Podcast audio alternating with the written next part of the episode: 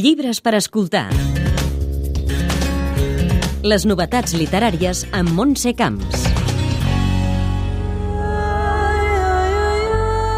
L'escriptora i periodista Mercè Ibars reivindica Mercè Rodoreda com una autora europea i moderna que es va avançar al seu temps i va situar la guerra com a eix central de la seva obra. Ho fa a retrat de Mercè Rodoreda, que publica Empúries. Flors de l'autora de la plaça del Diamant se n'han fet moltes aproximacions biogràfiques i literàries. En aquest llibre, Mercè Ibars, experta en l'obra de Rodoreda, ens fa una aproximació personal i humana que ens la renova i presenta amb nous ulls.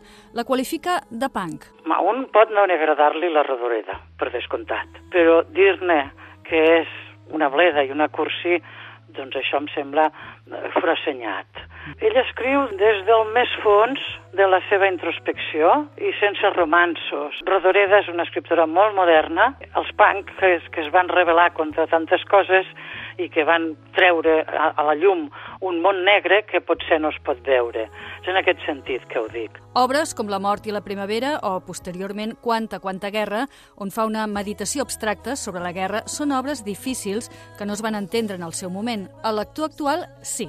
S'està adreçant a un tipus de lectors que, eh, perquè ella és una escriptora europea i això ja, ja passava en altres literatures, doncs està adreçant d'alguna manera a uns lectors que potser en aquell moment estaven per venir i per sort ja han arribat.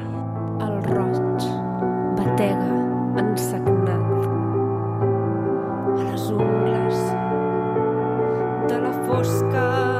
Llegir la seva obra en clau de vida de dona o com a autora exclusivament catalana és un error.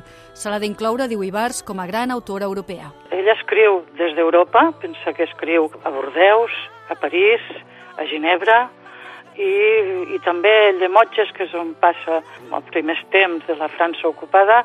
Aquesta ja és una primera raó per veure que està en relació a la, a la literatura que es feia en aquell moment a Europa.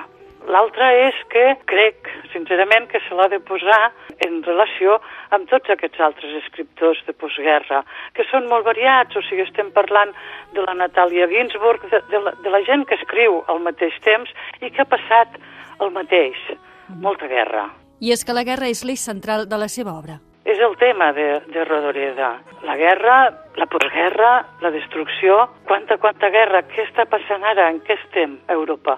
Una altra vegada en guerra. És el seu tema perquè les ressonàncies que hi deixa són molt profundes en ella com a persona i com a escriptora ho afronta. Retrat de Mercè Rodoreda parla de l'exili, les ciutats on va viure i el seu desig ineludible d'escriure. No és una biografia, és un retrat personal on la mateixa Ibars intervé en primera persona. Una reelaboració de 30 anys d'estudi de la seva obra, imprescindible pels lectors fidels de Rodoreda i també pels lectors inquiets, que volen saber més enllà de tòpics. I un, per desfer, és la manera de llegir-la. Jo la Rodoreda la llegeixo tot sovint com a poesia, a part que la seva prosa és poètica, que la llegeixo a trossos, i torno a trossos, llegeixo unes pàgines i torno en un, en un altre moment. Cal una certa valentia per llegir-la. I ara canviem radicalment de tema. Ei, si et miro a tu i tu mires a mi i ens mirem als ulls el recull de contes Sucamulla del periodista i filòleg Magí Camps presenta 12 relats amb les aventures i desventures amoroses de personatges molt diversos.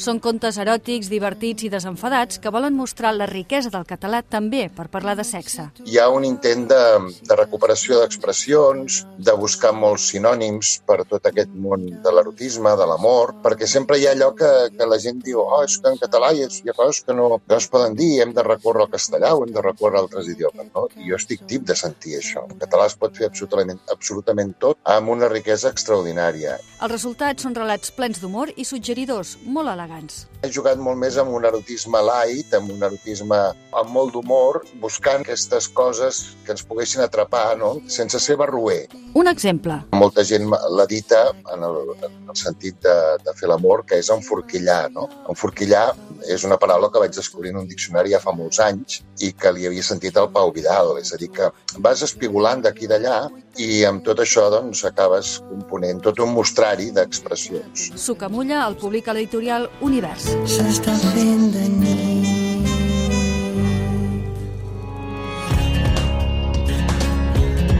Llibres per escoltar Les novetats literàries amb Montse Camps.